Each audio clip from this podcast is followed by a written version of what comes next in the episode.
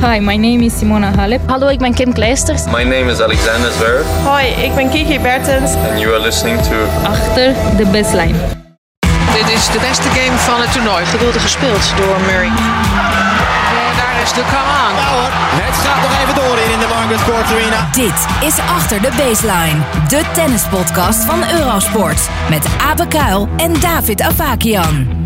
Hallo en welkom bij de eerste aflevering van Achter de Baseline, de tennispodcast van Eurosport.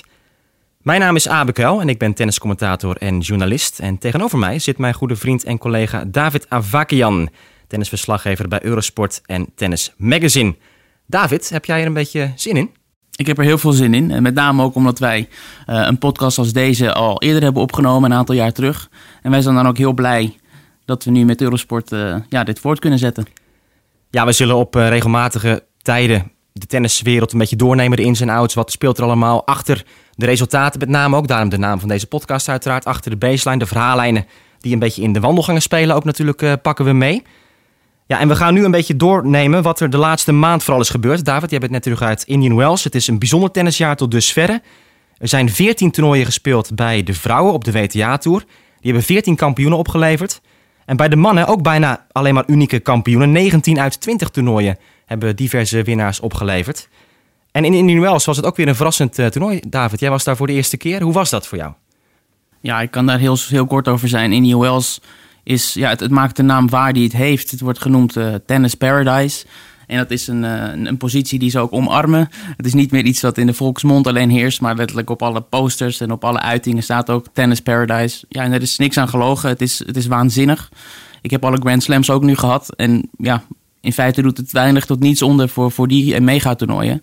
Nou ja, het bijzondere is natuurlijk, het ligt in het zuiden van Californië. Je vliegt op Palm Springs en dat is ook wel een waanzinnige locatie als je erop op vliegt. Je denkt, waar, waar kom je in hemelsnaam aan? Het is in the middle of nowhere. Nou ja, het zijn omgevingen daar, de, de woonplaatsjes, het zijn kleine plekjes met allemaal paradijselijke namen ook al zo'n beetje. En de mensen wonen daar natuurlijk in villa's. Het zijn vooral de mensen die met pensioen zijn gegaan in Amerika, die goed hebben verdiend. Die daar echt van het, eh, het luxe leven genieten. Ja, het is natuurlijk gewoon een unieke wereld ook. Het is in feite een woestijngebied, maar je rijdt overal rond en je ziet de sprinklers uit de grond komen om het gras overal nat te houden. Het is een, echt een aangelegde wereld. Dus je voelt je soms ook een beetje schuldig dat je denkt van, eh, ja, dit, dit kan toch bijna niet eigenlijk op Precies. deze manier, in deze tijd. Precies, het, is, het voelt nep af en toe. Ook na een aantal dagen dat je daarop bent. Het voelt als een soort greenscreen waar dan, eh, zoals in een film, een bepaalde achtergrond wordt geprojecteerd. Ehm ja, langzaamaan begin je eraan te wennen, maar het, het blijft toch uniek. En de faciliteiten zijn ook van topkwaliteit. Het op één na grootste stadion, tennisstadion ter wereld uiteraard. Super ontspannen ve- sfeer en een grasveld in het midden waar alle spelers eh, hun warming-ups doen, ontspannen en eh, voetballen ook heel vaak. Dus het is, eh, in veel opzichten is het eh, niet vergelijkbaar met, eh, met welke andere plek dan ook. Nee, en het unieke is dus de rust natuurlijk, die we hebben genoemd. Maar toch het feit dat er zoveel tennisfans op afkomen. Want de bezoekersaantallen, daarmee wedijvert het gewoon al met, met Grand Slam toernooien als Wimbledon en Roland Garros. Terwijl het dus echt gewoon in the middle of nowhere ligt. Een paar uur rijden vanaf Los Angeles. 475.000 fans kwamen er dit jaar op af. Ja, dat is vergelijkbaar met Wimbledon en Roland Garros nogmaals. Met minder dagen ook dat het toernooi duurt. Maar wat ook nog wel belangrijk is om te melden, is dat de trainingsbanen die zijn op een bepaalde manier aangelegd. Dat je als fan kan kijken. En in één oogopslag zie je dan Federer, Nadal, Djokovic, Osaka tegelijkertijd naast elkaar trainen op hetzelfde moment. Met dus die prachtige achtergrond. Ja, paradijs. Ja, en had je nog eh, verder bijzondere ervaringen daar als journalist ter plekke, David? Ja, Indian Wells is natuurlijk het eerste toernooi na de Australian Open waar de gehele wereldtop, mannen en vrouwen, zich weer verzamelt. Eh, het was ook voor het eerst sinds hele lange tijd dat zowel Novak Djokovic als Rafael Nadal als Roger Federer hetzelfde Masters toernooi speelden. Want elke keer was er wel iemand die, eh, die ergens fysiek mee kampte. En wat ook heel leuk is aan Indian Wells zijn de, de roundtables die voorafgaand aan het toernooi op Media Day worden georganiseerd. En dan krijg je een dag van tevoren krijg je het programma van die roundtables, waar dan de journalisten dus eh, met verschillende spelers in gesprek kunnen. En dan zie je om drie uur Roger Federer ingepland, tien over drie Kiki Bertens en dan daarna Nadal. Dus het is toch bijzonder om, om die nieuwe status van Kiki op zo'n megatoernooi te zien. En hoe zij echt tussen eh, die grote namen beweegt. Ja, vroeger was natuurlijk bekend dat het toernooi van Key Biscayne het vijfde Grand Slam werd genoemd in de tijd dat Richard Krajicek dat nog won in 1999. De laatste jaren is Indian Wells daar echt stevig voorbij gestreefd. Onder meer dus door die bezoekersaantallen zo hoog te krijgen, al die nieuwe faciliteiten. De status vijfde Grand Slam, dat roept natuurlijk ook een beetje de vraag op. Kan het ooit doorgroeien naar een echt Grand Slam? Is dat de ambitie misschien ook van het toernooi? Hoe zie jij de toekomst in dat opzicht? Nou, die ambitie zal het zeker zijn van Larry Ellison, de, de, de oprichter van het uh, megabedrijf Oracle, een van de rijkste mannen ter wereld. Maar ja, je hebt toch iets meer nodig dan alleen geld en uh, faciliteiten en een mooie locatie. Want de Grand Slams die hebben een bepaalde traditie, uh, eeuwenlange traditie in sommige gevallen. Ja, dat, dat, dat, kan je niet kopen, om het zo maar te zeggen. Dus dat zie ik niet gebeuren, eerlijk gezegd. maar ja, uitbreidingen verder, absoluut. We gaan het zo hebben over de resultaten daar in Indian Wells. Maar om die vergelijking maar even door te trekken met Miami meteen. Ja, ze zijn verhuisd omdat de faciliteiten op Key Biscayne en Crandon Park uh, te klein waren, te krap. En voor een toernooi van uh, dat kaliber, gedeeld vrouwen en mannen uiteraard ook, de hele wereldtop is daar aanwezig. Moesten ze verhuizen en dat hebben ze gedaan naar uh, het Hard Rock Stadium in Miami elders. Um, ja, dat heeft een, een, bijzonder resultaat opgeleverd. Ja, de noodzaak was er, dus de keuze is goed geweest. Maar de uitwerking, daar ja, is nog wat aan te sleutelen, vermoed ik. Ja, het is een heel raar gezicht. Het is een tennisstadion in een American voetbalstadion. Dus een stadion van 65.000 mensen. En dat is dan met tennistribunes verkleind tot 14.000 mensen zo'n beetje die dan daar kunnen zitten. Doet een beetje terugdenken aan de Davis Cup finale die een paar keer is gespeeld in het voetbalstadion van Lille in Frankrijk. Bijvoorbeeld Frankrijk-Zwitserland toen. Ook dat ja, mooie verbouwen van het stadion daar om dan tijdelijk die sfeer te creëren. Maar voor een permanente faciliteit is het toch wel iets raars. En je ziet ook dat de sfeer een beetje tegenvalt in dat opzicht. Het geluid is, is niet echt, echt lekker. Daar heeft Roger Federer ook wat dingen over gezegd onder meer. En ook visueel op televisie zag het natuurlijk niet optimaal eruit. Nee, want je hebt dus een klein stadion in een groot stadion. Maar de stoeltjes van het grote stadion zijn zichtbaar. Als je op tv kijkt en ook als je in het stadion zit. Dus het oogt alsof er voortdurend allerlei vrije plekken zijn waar niemand op zit. Of dat er geen tickets zijn verkocht. Nou, in sommige gevallen was het ook zo. Maar heel vaak was dat optisch bedrog. En ja, dat, moet je dat willen? Dat is maar de vraag. En een ander ja, symbolisch verschil misschien. Wat je nu doet in feite door een tennisstadion in een groot American voetbalstadion te plaatsen. Ja, dan laat je eigenlijk een soort van zien van de tennissport is, is klein ten opzichte van American voetbal in dit geval. Ja, dat is ook iets. Ja, is dat een uitstraling die je, die je wil als sport? Als globale sport, als tennis? Dat lijkt me, ja, lijkt me niet. Nee, dat vind ik ook echt een, een punt van kritiek inderdaad. En kijk, die man Steven Ross is dat. Hij is de eigenaar van de Miami Dolphins sinds, sinds tien jaar zo'n beetje. Hij heeft 550 miljoen dollar uitgegeven om te beginnen om het stadion te renoveren. 72 miljoen dollar had hij toen nog ergens liggen. Dacht hij, nou, daar kan ik dan een tenniscomplex nog uh, ook bij bouwen. Want een deel van het complex is wel permanent. Een deel van de bijbanen, dat is gebouwd op het gigantische parkeerterrein van de, van de Miami Dolphins van het stadion. Het is echt niet te bevatten hoe groot. Dus daar blijven die trainingsbanen als het ware liggen. Het tweede stadion, het grandstand, dat blijft vaststaan. Maar ja, elk jaar bouwen ze dus dat centercourt op en af voor, het, voor de tennis. En het is wat je zegt, ja, toch een beetje een soort, soort uh, Calimero-achtig idee. Hè? Van, oh ja, wij, zijn wij mogen in dit grote stadion spelen. En in plaats van dat je zelf gewoon een, een prachtig nieuw complex neerzet. En dat was leuk, want die spelers die hadden tegelijkertijd een soort van nostalgie naar het oude terrein. Terwijl ze wel tegelijkertijd ook steeds zeiden van ja, maar we moesten ook wel echt weg. Dus een beetje in dubio, of, uh, ja, in twijfel daar toch. Ja, maar de eerste klacht die toernooidirecteur James Blake kreeg, iets wat vaak terugkwam de eerste dagen, dat had niets te maken met de, dit stadion of wat dan ook. Het ging over het feit dat de koffie niet goed genoeg zou zijn. Dus daar heeft hij gelijk toen uh, dingen op aangepast. Um, maar ja, Kijk, ze hebben natuurlijk wel hun best gedaan. Ze hebben het allemaal in de stijl ook een beetje gemaakt van de Miami Dolphins. Een soort nieuwe kleurenstelling. Oasis Blue, Biscayne Blue heet dat dan officieel. Ze hebben allerlei soorten bomen laten invliegen uit Californië. 50 dadelpalmen, 40 vijgenbomen, 25 bonsaibomen, 50 jaar oude fiscussen, olijvenbomen. Nou, van alles en nog wat. Uh, dus dus hè, ze doen echt hun best om het aan te kleden. Het is ook een toernooi dat een meer luxe uitstraling heeft gekregen nu. Want als je een VIP-bezoeker bent daar... Dan kan je ook naar een soort kunstgalerij en daar hangt werk van Andy Warhol, Pablo Picasso. Als je dan een miljoen dollar op zak hebt, dan kan je nog eens meenemen voor thuis. Um, de stoelen ook zijn ongelooflijk duur. Dat draagt ook bij aan de mindere sfeer, heb ik het idee, want die zijn vaak onbezet. Maar als je een beetje vooraan wilt zitten, dan zit je op een stoel van Ferrari-leer met een eigen tv-scherm voor je neus. En dan betaal je 50 tot 70.000 dollar voor om daar gewoon twee weken te kunnen zitten. Ja, dat is natuurlijk waanzinnig. Dus de hele uitstraling van je gaat als tennisfan naar het, naar het stadion toe, ja, dat, dat neem je daarmee weg. Dat is gewoon natuurlijk niet, niet te doen voor, uh, voor mensen die echt puur voor de tennis willen komen. Nee, volkomen mee eens. En ja, dat was zichtbaar op tv. En we hoorden ook geluiden van, uh, van mensen ter plekke die ook zeiden van dat er moet echt wel veel aan gebeuren. En zelfs uh, ja, bij, tijdens de prijsuitreiking werd nog, nog gezegd door Federer, de uiteindelijke winnaar, van top, we zijn verhuisd.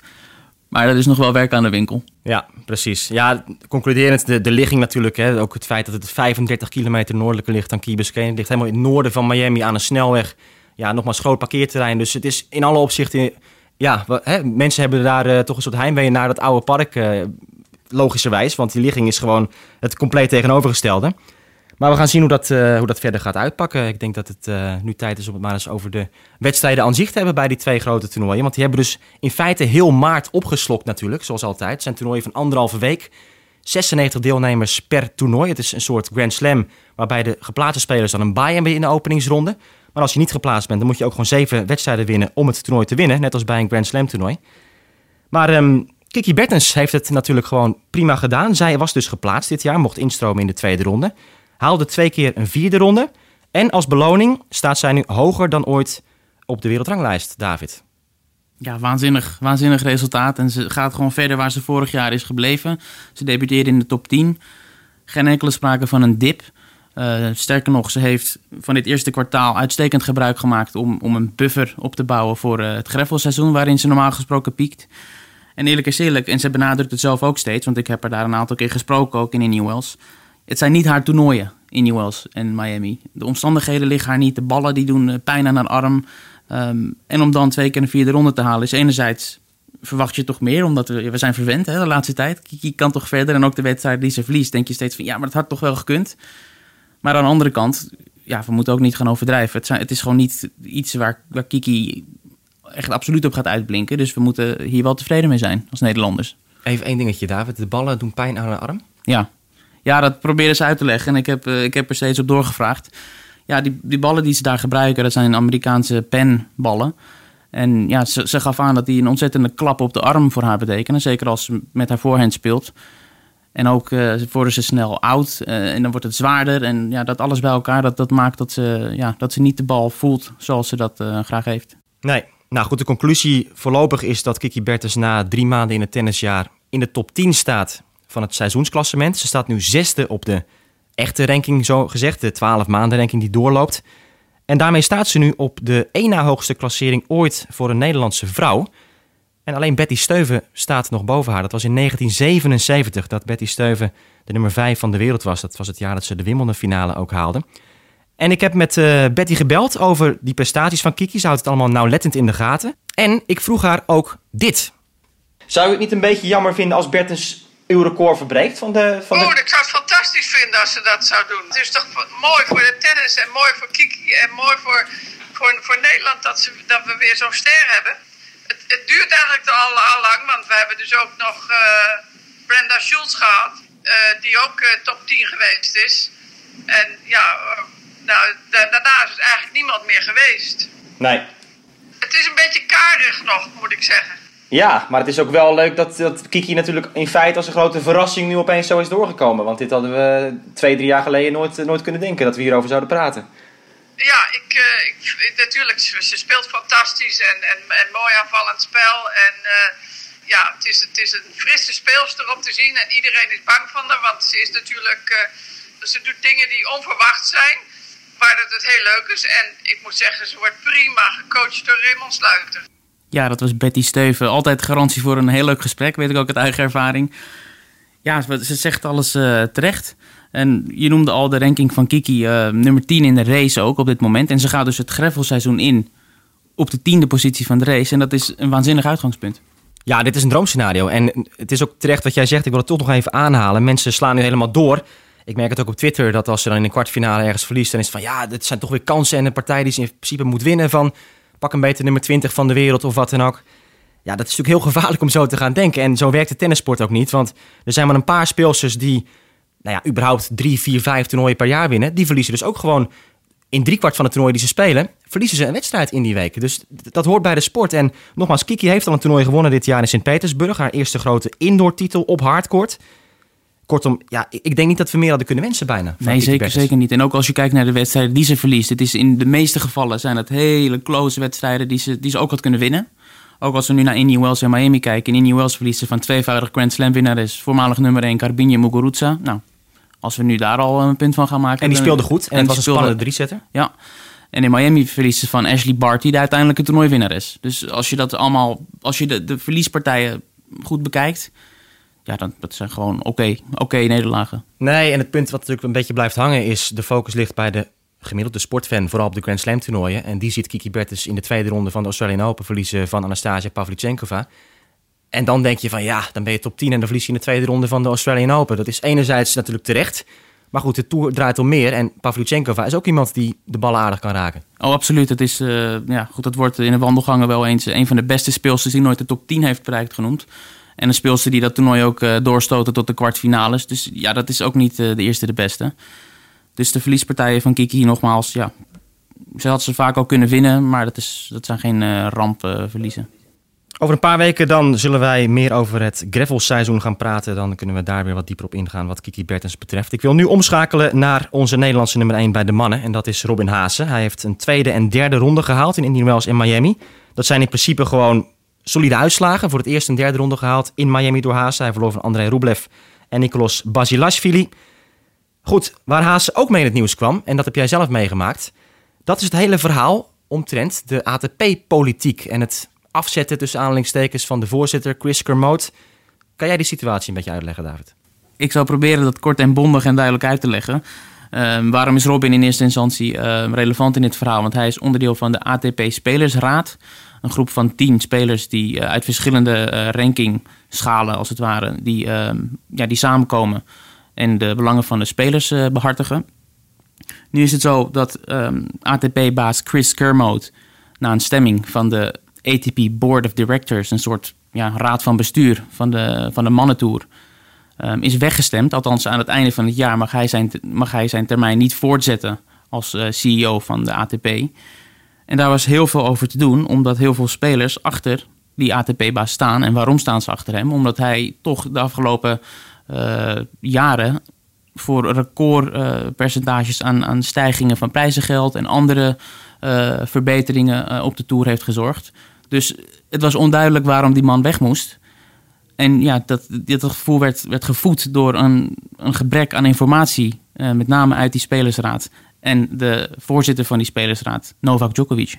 Ja, Djokovic is de voorzitter van die spelersraad inderdaad. En hij wilde daar heel weinig over kwijt in de persconferentie. Hij gooide dat zelfs een soort vertrouwensbreuk... Hè, als hij dingen die daar intern zijn besproken in die spelersraad naar buiten zou brengen. Ik zal nog even iets verder toelichten hoe dat nou precies zit met het systeem. Want je hebt tien mensen in de spelersraad. Daarboven hebben ze dan drie vertegenwoordigers in het echte bestuur. Die zij zelf aanstellen, de spelersraad. Exact. Daar staan dan aan de andere kant ook nog drie vertegenwoordigers van de toernooien bij. Dus wat je heel vaak ziet in de praktijk is de toernooien... die stemmen allemaal voor A en de spelers stemmen allemaal voor B. Toernooien willen natuurlijk uh, prijzengeld vasthouden. Spelers willen meer geld, voorbeeld noemen. En dan komt het aan op de beslissende stem van de voorzitter, Chris Kermode. Nou, de kritiek die natuurlijk naar buiten komt is van de spelers. Kermode zou te vaak met de toernooien hebben meegestemd in bepaalde situaties. Ja, nogmaals, wij hebben daar heel weinig zicht op. Het is allemaal een soort uh, intern achterkamertjes verhaal hè, dat we allemaal niet heel goed meekrijgen. En sterker nog, ik sprak Robin Haase op in New Wells hierover en hij gaf al aan dat hij als, als lid van de spelersraad zelfs heel vaak niet weet hoe er gestemd wordt. Dus laat staan wij. Ja, dus het is een hele rare situatie. Maar jij hebt daar uh, Robin Haase ook even over gesproken. Eigenlijk heeft Djokovic, ik heb het interview gezien, en maar bepaalde dingen verwoord juist fantastisch. Door gewoon aan te geven, het is tijd voor ook wat nieuws. Ah, dus, dus dat is toch niet, dan, dan, dat, dat is eigenlijk ook een reden. Iets nieuws, hè, dat er een, een nieuwe komt met misschien weer een nieuwe visie, een nieuw zin. Dat, dat, soms kan dat kwaad, maar ja, wij hebben zoiets van, nou, waarom, waarom niet? Ja, Robin die probeert hier uit te leggen wat, uh, wat er nu gebeurd is en wat Djokovic heeft gezegd. Maar als we dan toch inzoomen op die woorden. Ja, ze hebben gezegd. Kermode die heeft uh, goed werk verricht. Maar we willen een andere kant op. Nou, dan rijst de vraag. Waarom kan Kermode dan niet die andere kant op? Waarom moet hij dan weg? En kan hij niet uh, zelf dat, zeg maar die nieuwe uh, route bewandelen? En daar blijft dus ja, het antwoord ja, dat is er niet. Niemand nou, geeft er antwoord op. En er zit nog een hele interessante twist aan de zaak. Want Roger Federer en Rafael Nadal... die zijn als het ware een beetje buiten dit hele verhaal gebleven. Ze hebben in het verleden ook onderdeel uitgemaakt van de Spelersraad... maar zijn er om uiteenlopende reden uitgestapt. Nadal en Federer hebben een bakje koffie gedronken... voordat het toernooi in Indian Wells begon, om daarover te praten. Want Federer heeft ook geprobeerd om met Djokovic toch nog wat af te stemmen... voordat die stemming plaats zou vinden, hè, of Kermode mag blijven of niet. Die neemt, die nam de telefoon niet op. Nee. Dat was een waanzinnig uh, moment tegenover de Zwitserse pers. Gaf, gaf Federer ineens aan van ja, ik heb geprobeerd op het laatste moment, voordat de deadline verstreek van die stemmingen, nog even contact op te nemen met Djokovic. Maar die heeft gewoon geen gehoor gegeven. Nee, en Nadal heeft ook gezegd van ja, ik vind het onbegrijpelijk dat ik niet ben eh, geraadpleegd. Djokovic countert dan weer van ja, maar ze kunnen toch ook zelf met mij bellen, et cetera. Dus je merkte aan alles, daar zit iets niet helemaal lekker tussen eh, misschien enerzijds kamp Federer Nadal, anderzijds kamp Djokovic. En hoe dat allemaal verder gaat, ja, dat is afwachten. Nadal zegt ook heel terecht, ik snap niet waarom we dit gaan vervangen. Ik ben altijd iemand die gelooft in lange termijn projecten. Want nu gaan we een nieuw persoon aanstellen. Die heeft een jaar nodig om alles weer onder de knie te krijgen. Om, om iedereen te leren kennen. Om een weg te, te kiezen waar we heen moeten, et cetera.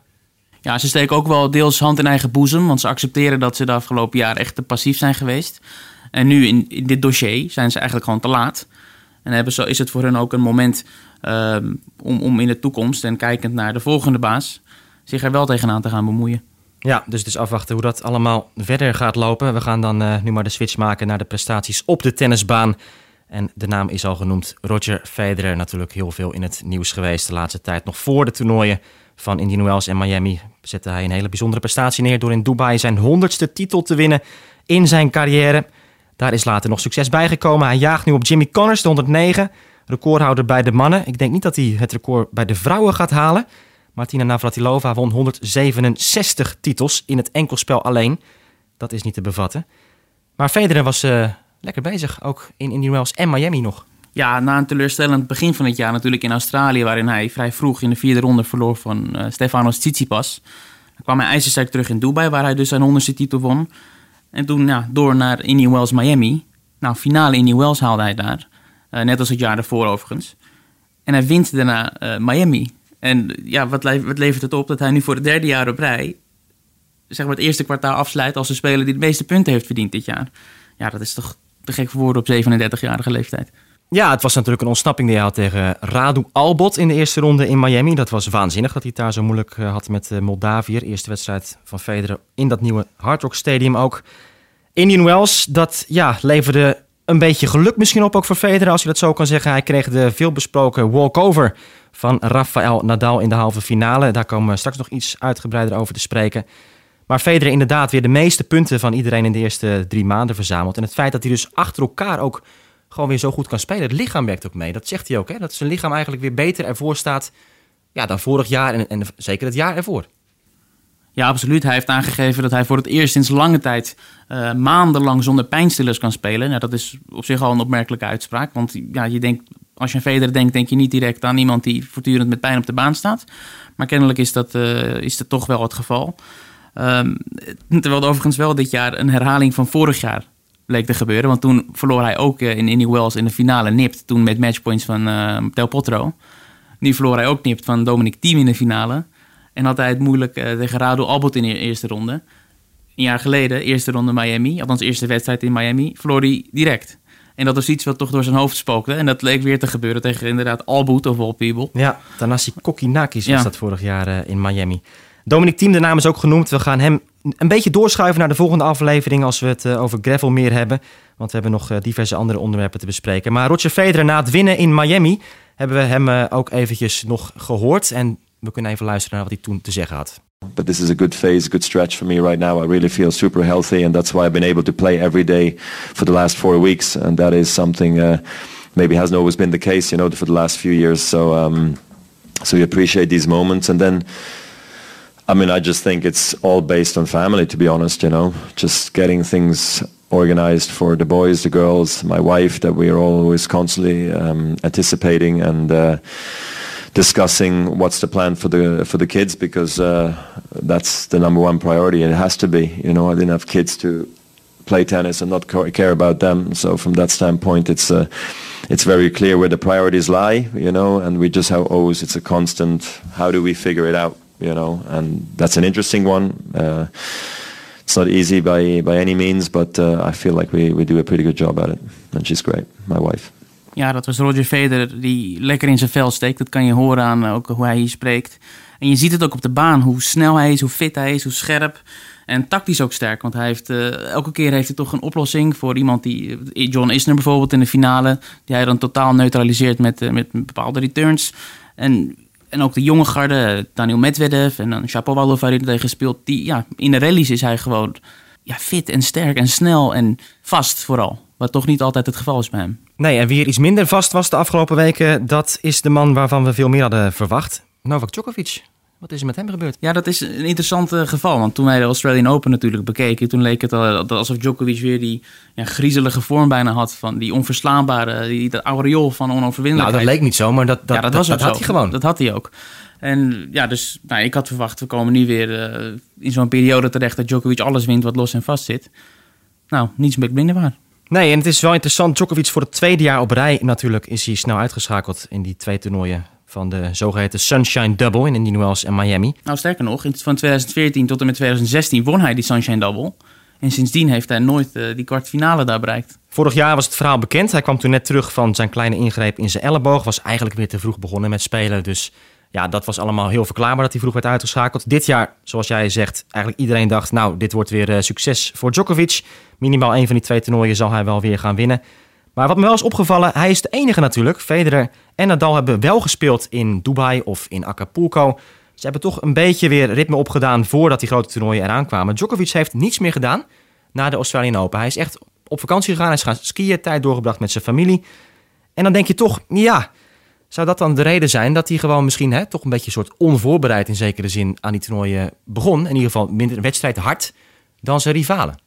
Ja, het lijkt erop, althans dat kunnen wij niet weten, maar het lijkt erop alsof hij een soort, eh, ja, er bewust voor heeft gekozen om, om het rustig aan te doen. In Indian Wells en Miami, ja, pakken wat ik pakken kan met, met de rust die ik heb genomen, zonder een sterke voorbereiding. Alles is mooi meegenomen, maar het, leidt er wel toe dat ik op het moment dat het greffelseizoen begint, dat ik dan uitgerust en fit en niet al te veel wedstrijden in de benen heb om daar te kunnen knallen. Ja, en het gravelseizoen, daar zit echt eh, ongetwijfeld natuurlijk het moment waar Djokovic wil pieken dit jaar. En ik denk dat hij daar ook misschien met zijn hoofd al enigszins aan dacht. Ja, niet als hij echt op de baan staat, maar wel vooruitdenkend. Hij wil weer die vier Grand Slams op rij winnen. Hij wil Nadal de baas zijn op gravel dit jaar. Ik denk echt dat hij daar zijn eh, zinnen vooral op heeft gezet. En dat hij deze nederlagen enigszins met een korreltje zout kan nemen. Maar toch is het riskant, zou je denken, om, om zo'n ja, zo'n vorm bewust eigenlijk zelf te gaan onderbreken.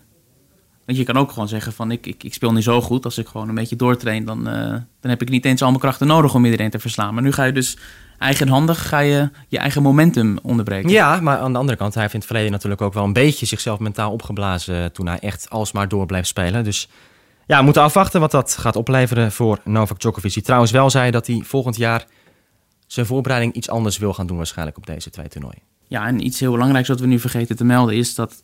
En dat speelde natuurlijk al een en ander naast de baan tijdens Indian Wells en Miami. Iets waarvan hij ook heeft gezegd, want dit heeft wel meegespeeld. Ik had te veel afleidingen. Te veel dingen aan mijn hoofd. Ja, en dat is dus die ATP-problematiek vooral waar we het net over gehad hebben. Ja, tenminste dat is dan de logische verwijzing. Hij heeft het niet zo zelf gezegd, maar dat is inderdaad natuurlijk waar je een beetje aan, eh, aan denkt dan. Goed, iemand die om andere redenen tegenviel, dat was natuurlijk Rafael Nadal. Het is weer het aloude verhaal van het lichaam dat hem terugwierp. Precies op het moment dat hij voor het eerst sinds 2017 weer tegen Roger Federer zou spelen. Alle kranten, voorbeschouwingen, televisiezenders waren ermee bezig. Dit wordt genieten in Indian Wells. De klassieker in de tennissport, Rafa tegen Roger. Maar toen zei Rafa, ik kan niet. Absoluut. Hij speelde tegen Karin Gatchanov al op één been, eh, de wedstrijd daarvoor. En eigenlijk was toen al een beetje ja, de vraag of hij die wedstrijd af ging maken. Laat staan dat hij daarna tegen Federer nog zou kunnen spelen.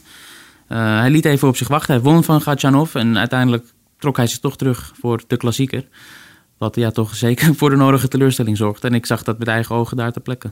Ja, het heeft allerlei discussies ook uh, doen oplaaien. Daar komen we zo even op terug. Maar inderdaad, tegen Gatjanov, het ging vroeg mis in de wedstrijd. Dat hij al iets in zijn knie kreeg. Hij nam pijnstillers. En op de een of andere manier won hij die wedstrijd. Het was eigenlijk waanzinnig, want in de tweede set ging het helemaal mis. En had Gatjanov, als hij een beetje scherp was, gewoon moeten winnen.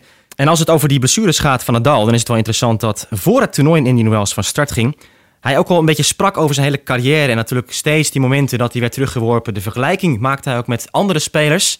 Want hij kreeg de vraag, ligt het er niet aan dat jij gewoon natuurlijk zo smijt met je krachten met je lichaam, dat je daarom vaker dan anderen geblesseerd raakt? Nou, Nadal antwoordde zo. No, there is a lot of players that plays with a lot of effort and they don't get injured. There is a lot of players that play with not that much effort and gets very injured. So we can talk and we can write pages and pages about uh, if somebody plays with uh, more intensity, it's more chances to be injured. But I tell you, David Ferrer, for example, plays with uh, very high intensity and almost never get injured.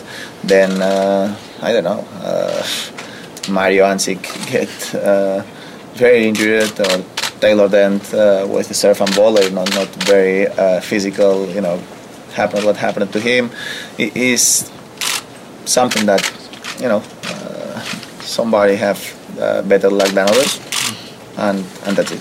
Ja, in het verleden had Nadal zoiets nooit gezegd. Hij is dat de laatste tijd toch vaker gaan doen, omdat ja, hij merkt gewoon de frustratie dat dit alsmaar blijft gebeuren. En in het verleden was hij heel netjes en zei van ja, eh, niks aan te doen en ik ga me weer opladen en ik ga weer eh, opnieuw spelen over een tijdje.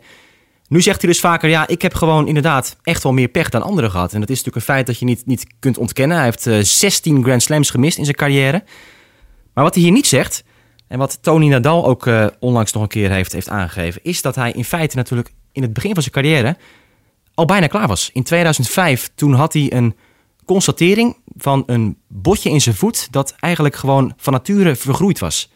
En daardoor leek het gewoon afgelopen te zijn met de carrière van Nadal. Toen op 19-jarige leeftijd al. Toen heeft hij een bijzondere zool moeten gaan, gaan dragen. Maar om de woorden van Tony Nadal zelf even gewoon erbij te pakken. Hij zegt, ja, in 2005 werd die aangeboren afwijking ontdekt aan de voet van Rafa.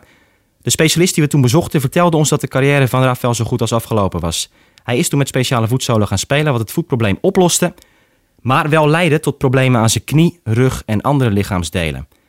Hij vertelde me een keer in 2013, wat voor ons een heel goed jaar was met de nummer 1 positie en twee gewonnen Grand Slams, dat hij soms liever minder zou winnen als hij daarvoor in ruil minder pijn kon voelen. En dat is iets wat Nadal ook nog aangaf, dat hij eigenlijk altijd nu last heeft van zijn knie nog steeds. En dat is iets wat hij kan managen, soms tot op zekere hoogte. Maar dat, dat zit er gewoon altijd, die pijn. Ja, dat verhaal wat je nu uh, voorleest, ook wat Tony Nadal zegt over die aangeboren afwijking en dergelijke, daar kan je natuurlijk niks tegen inbrengen als hij dat heeft gehad. Ja, en hij daar al, altijd last van ondervindt, uiteraard.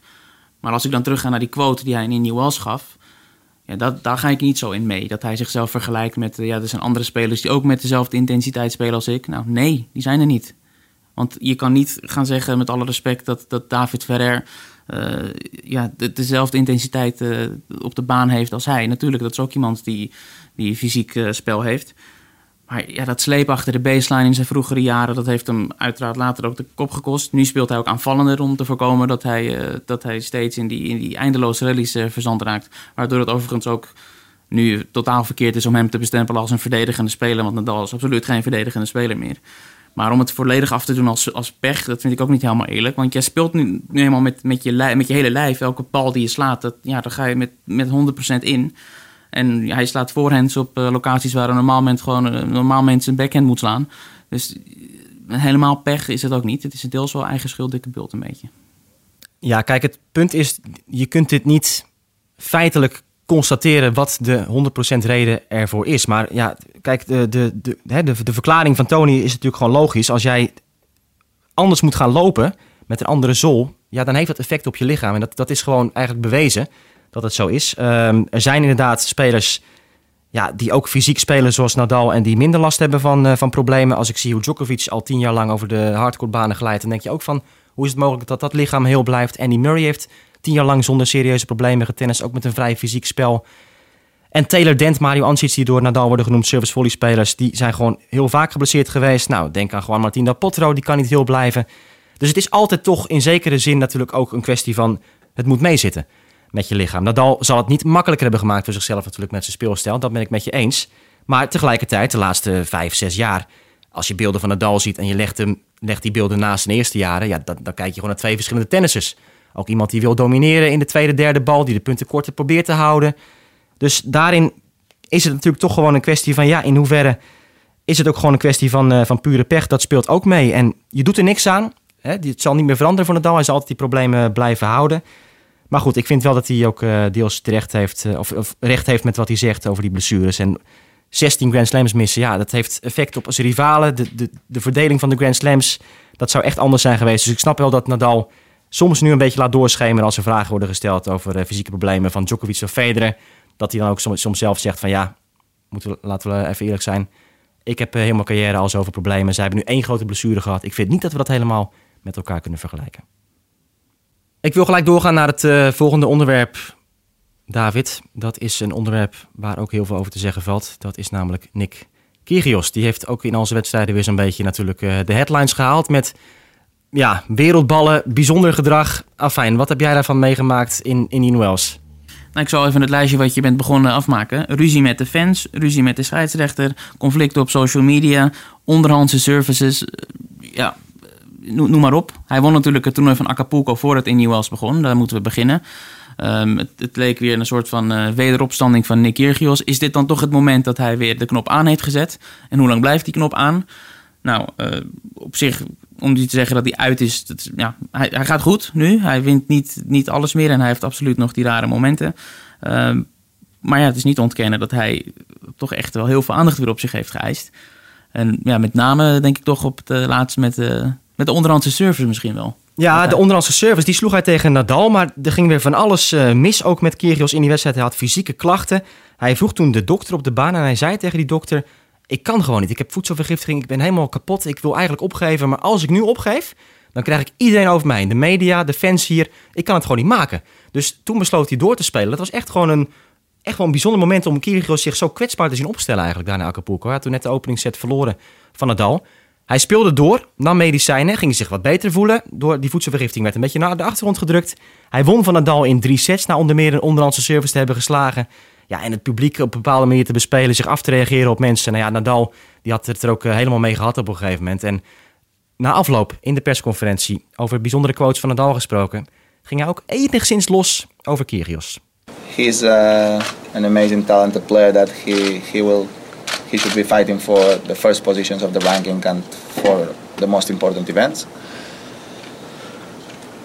And at the same time, I said that in my opinion, he needs to to learn to respect a little more the, the opponents, the crowd, and himself, like in a sportsman too, because he talks too much sometimes that he's he don't like this sport. He prefers other sports. Uh, well, at the end of the day, uh, he has an impact on the on the new on the new generations. He's young. He he's a, a famous player, uh, and in my opinion, we need to show good values for the for the kids that they are, they are watching us on on TV. So I think one of the best things that uh, probably our generation had between Roger, myself, uh, Novak, uh, have been always respect for each other, always respect for opponents, respect for our sport, respect for the crowd, and I believe that that's a good a good example for for our sport and for and for the new generations. No? Ja, wat voor mij de belangrijkste punten uit dit eh, betoog van Nadal zijn, eh, zijn de woorden I believe, my opinion. Uiteraard is het mooi meegenomen dat iemand als Nick Kyrgios ook op dezelfde voet verder gaat als Nadal, Federer, Djokovic en zich ja, hoffelijk opstelt en onderling natuurlijk eh, heel veel respect over en weer voor iedereen, voor jezelf, wat Nadal ook aangeeft. Maar het moet natuurlijk niet. Het is niet verplicht voor Kyrgios om ook daarin mee te gaan. Hij, hij is zo niet. Hij heeft een hele andere mindset, een hele andere benadering van de sport. En ja, daar horen af en toe zulke rare capriolen bij. Ik wil wel eventjes duidelijk maken dat Nadal in principe geen punt maakte over de onderhandse service. Hij zei, dat vind ik prima, maar gewoon de opstelling van Kyrgios... Ja, hè, gewoon de houding op de baan en soms een beetje de irritatie... ook als Nadal bijvoorbeeld iets meer tijd tussen de punten neemt... hoe hij dan reageert en daarin weer een beetje doorslaat... of dus tegen fans gewoon heel lelijk uithaalt. Dat vindt Nadal gewoon niet kunnen. Dat vindt hij respectloos. Dus daar gaat het met name over. En het is inderdaad breken met de generatie hiervoor...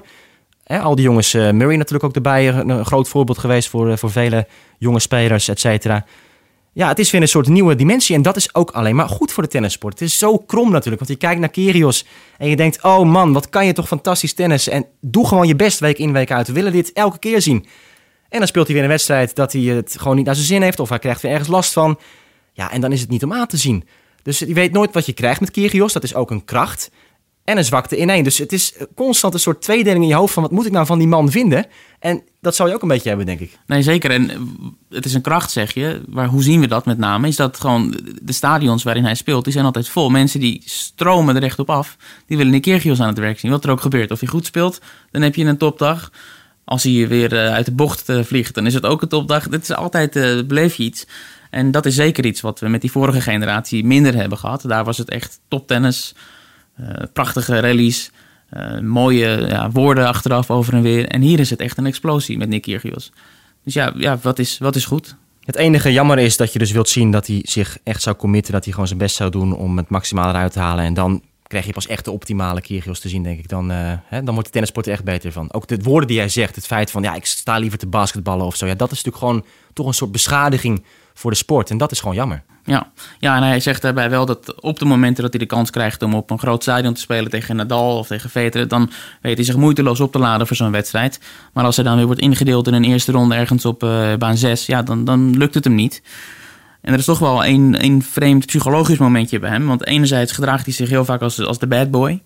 En, maar als hij dan uitgemaakt wordt van bad boy, dan vindt hij dat ineens weer niet leuk. En dan, dan slaat hij weer terug.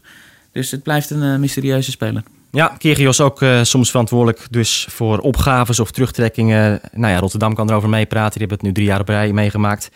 Dat brengt me nog op één puntje dat ik toch even kort wil aanhalen, David. Daar ben je ook bij geweest bij die discussie. Het feit als een speler afhaakt tijdens een toernooi.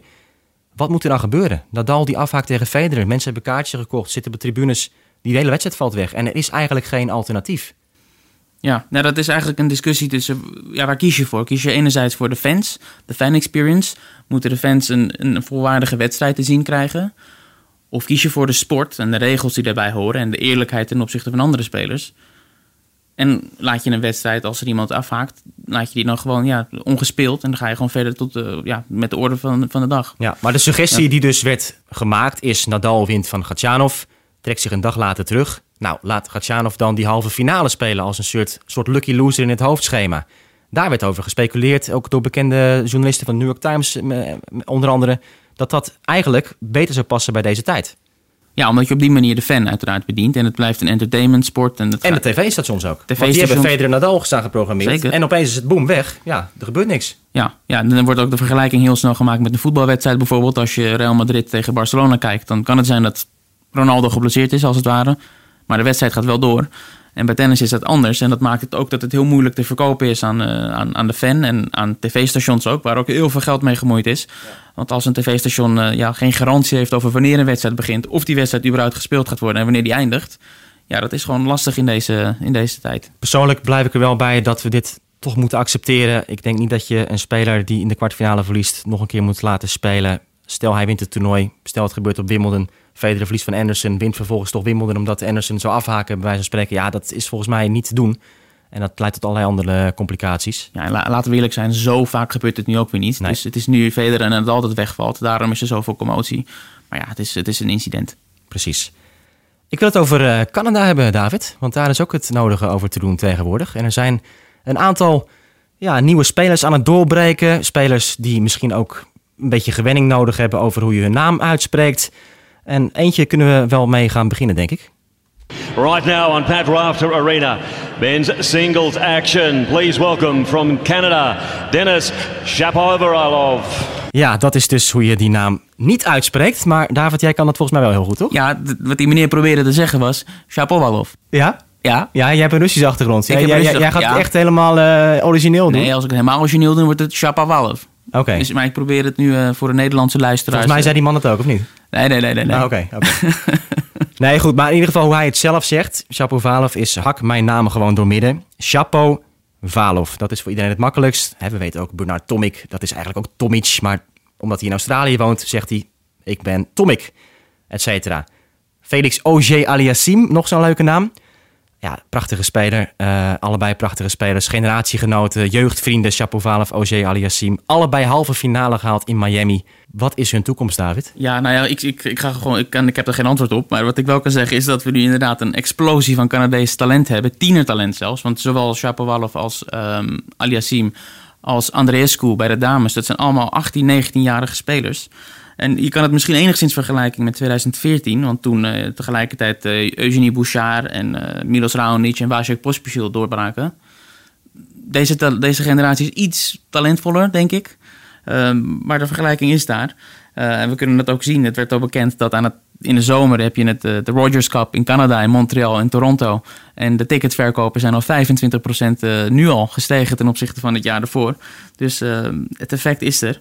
Ehm, maar Maar, het, misschien- zijn, het zijn ook gewoon spectaculaire spelers natuurlijk. Shapovalov en Auger Aliassim allebei op hun eigen manier. Shapovalov met zijn fantastische slagen, met, met de drive, met de, de gretigheid om punten te willen scoren. De linkshandige, enkelhandige bekken en toch een soort uniek gezicht in de sport. Dat, dat zien we eigenlijk helemaal niet. Eh Auger Aliassim ook heel atletisch. Ja, ook iemand die alles in huis heeft. En de toekomst lijkt natuurlijk gewoon ja, ontzettend uh, glorieus eruit te zien voor ze. Ze worden allebei genoemd als toekomstig top 10 spelers. En OJ Aliassim eigenlijk al als toekomstig nummer 1 van de wereld. Ja, dat is op zich uh, niet helemaal een verrassing. Want als we ook een paar jaar teruggaan, want ze hebben zich allebei al eerder gemeld. Uh, Aliassim die, die brak al diverse records uh, op de Challenger niveaus. Toen hij op 13, 14-jarige leeftijd daar al furoren maakte. Uh, Shapovalov die was twee jaar terug. had hij zijn grote doorbraak tegen Nadal, die toen nummer 1 was. Die hij versloeg op 17-jarige leeftijd in eigen huis. In Toronto of Montreal. Dat, ik weet niet meer precies in welke van de twee dat was.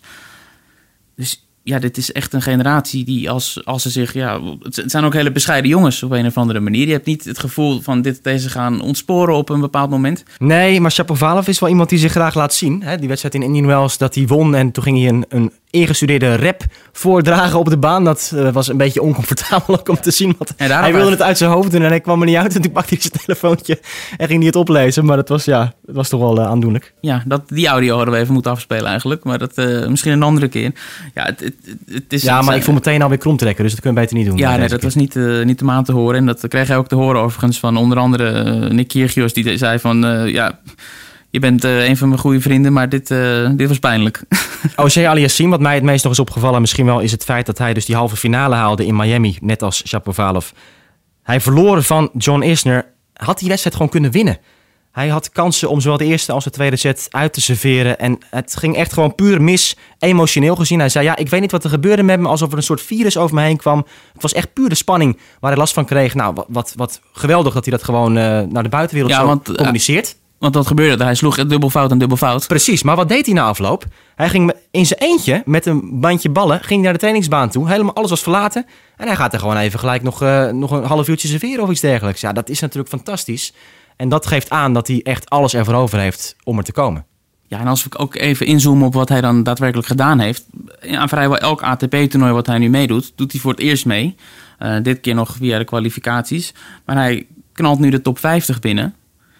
En het, het, het, kan gewoon zijn dat de, de eerstvolgende Grand Slam toernooi, wat voor hem voor het eerst zal zijn dat hij in het hoofdtoernooi daar gaat spelen heel vaak, dan is hij gewoon een geplaatste speler als hij op deze voet uh, verder gaat.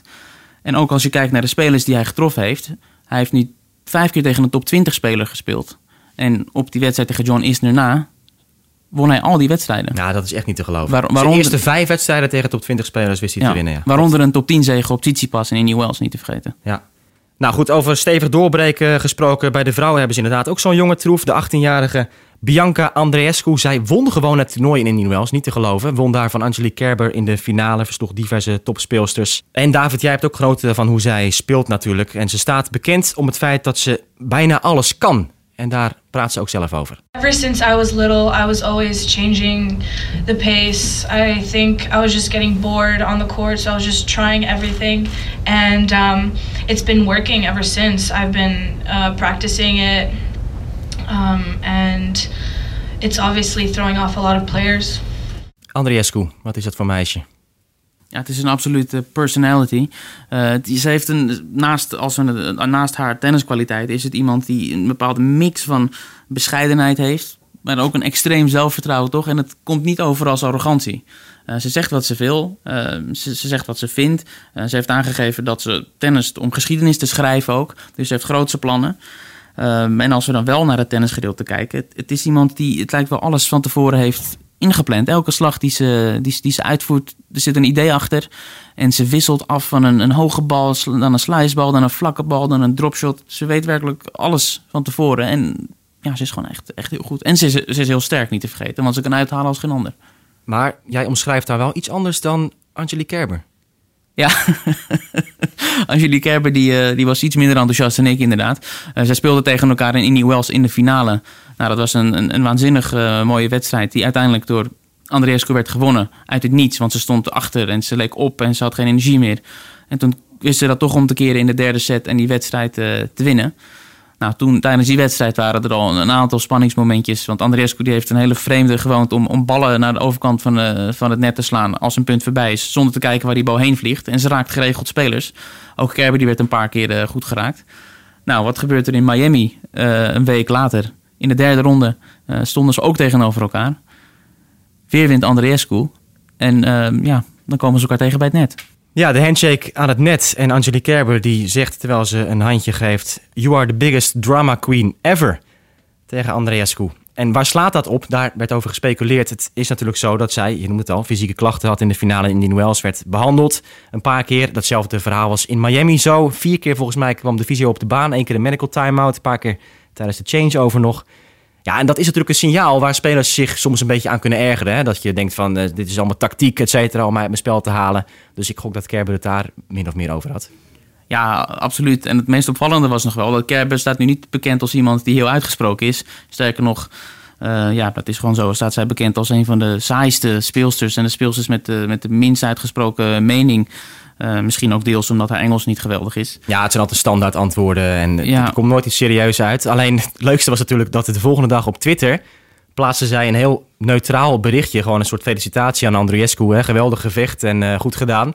Ja, en de WTA die wisten dat clipje natuurlijk. Want die handshake, die, die, die, ja, die was gewoon op allerlei bronnen werd dat gewoon verspreid. Ja. En dat was ineens weg. Dat werd gecensureerd. Maar Kerber kwam dus met die tweet. En toen, wie anders dan Nikirios, die maakte dat gelijk eventjes uh, hè, uh, bekend. En zei van ja, wat doe jij nou? Uh, je noemt haar een drama queen en nou kom je met deze, deze, deze tweet tevoorschijn. Ja, ja dus Kyrgios die reageert en op Shapovalov met zijn rap en hierop weer. Dus hij, hij laat, laat zich gelden.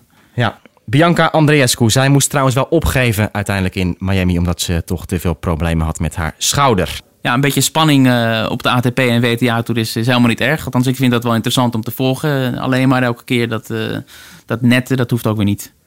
We gaan afsluiten met nog een kort rondje. Want we zijn natuurlijk ook wat spelers tegengekomen die het minder goed hebben gedaan bij de vrouwen. Naomi Osaka, nummer 1 van de wereld.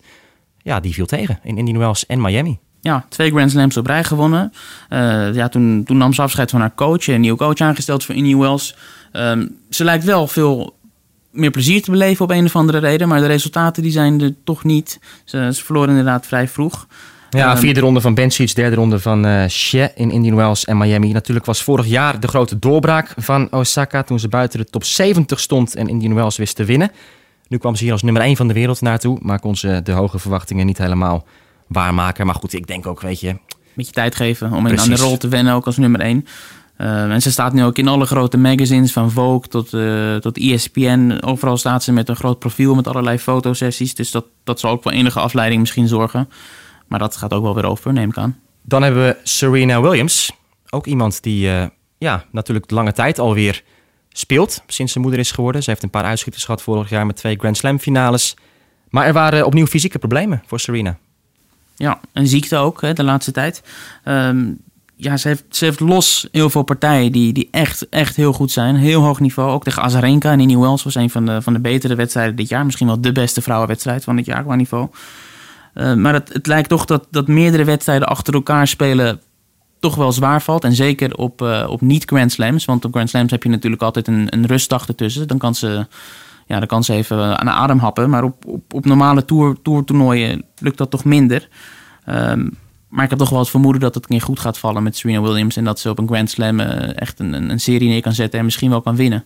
Ja, Miami moest opgeven met een knieblessure. Ik kan me wel herinneren dat een paar jaar geleden al Patrick Mouratoglou zei dat er toch iets chronisch mis is met die knie van Serena. Dat er nog heel weinig kraakbeen in zit of zo. Dus ja, als ze natuurlijk ouder wordt, zal dat niet minder worden, die problematiek daarmee. Dus dat houden we in de gaten. Ashley Barty, de kampioene, uiteraard in Miami. Zij is doorgebroken nu met die grootste titel uit haar carrière en staat nu op de negende plek van de wereldranglijst. Ook een uh, leuke speelster, eigenzinnige speelster met een typisch spelletje. Ja, zeker. En het is leuk om te zien dat na Andreescu ook Barty nu uh, zo'n zo knaller neerzet, als het ware. Een andere speelster met heel veel variatie. Waarschijnlijk de beste backhand slice in het uh, vrouwencircuit. Um, en misschien dat, dat die twee dan samen ervoor kunnen zorgen dat een beetje het stereotype beeld van vrouwentennis als hard, harder, hardst en uh, eentonig dat een beetje weg kunnen nemen. En kunnen laten zien dat toch ook op de vrouwentoer uh, van alles te beleven is. Ja, in dat opzicht hoop ik dat Daria Kasatkina de boel ook weer op de rit kreeg. Want die haalde vorig jaar de finale in Indian Wells. En die bakt er ook heel weinig van nog dit jaar. Goed, en zo zijn we zo langzamerhand aan het einde gekomen van deze eerste aflevering van Achter de Baseline. Maar over een paar weken dan zijn wij weer terug. Dan gaan we het meer hebben over het gravelseizoen. Dan komen ook spelers aan bod die we nu nog iets minder hebben kunnen bespreken. Waaronder natuurlijk Dominic Thiem, de gravelprins al van de laatste jaren. Hij won in Indian Wells. En er is meer om naar uit te kijken, toch David? Zeker, er zijn zoveel verhaallijnen. Gaat Kiki Bertens voor de Roland Garros titel misschien wel. Uh, Federer terug op gravel voor het eerst in een aantal jaren. Djokovic die voor vier Grand Slams op rij gaat. En is Nadal fit genoeg om eh, zijn hegemonie voor te zetten uh, op Roland Garros en in het gravelseizoen? Smullen. Precies, wij zijn er eind april met aflevering 2 van Achter de Baseline. Bedankt nu voor het luisteren en graag tot snel weer.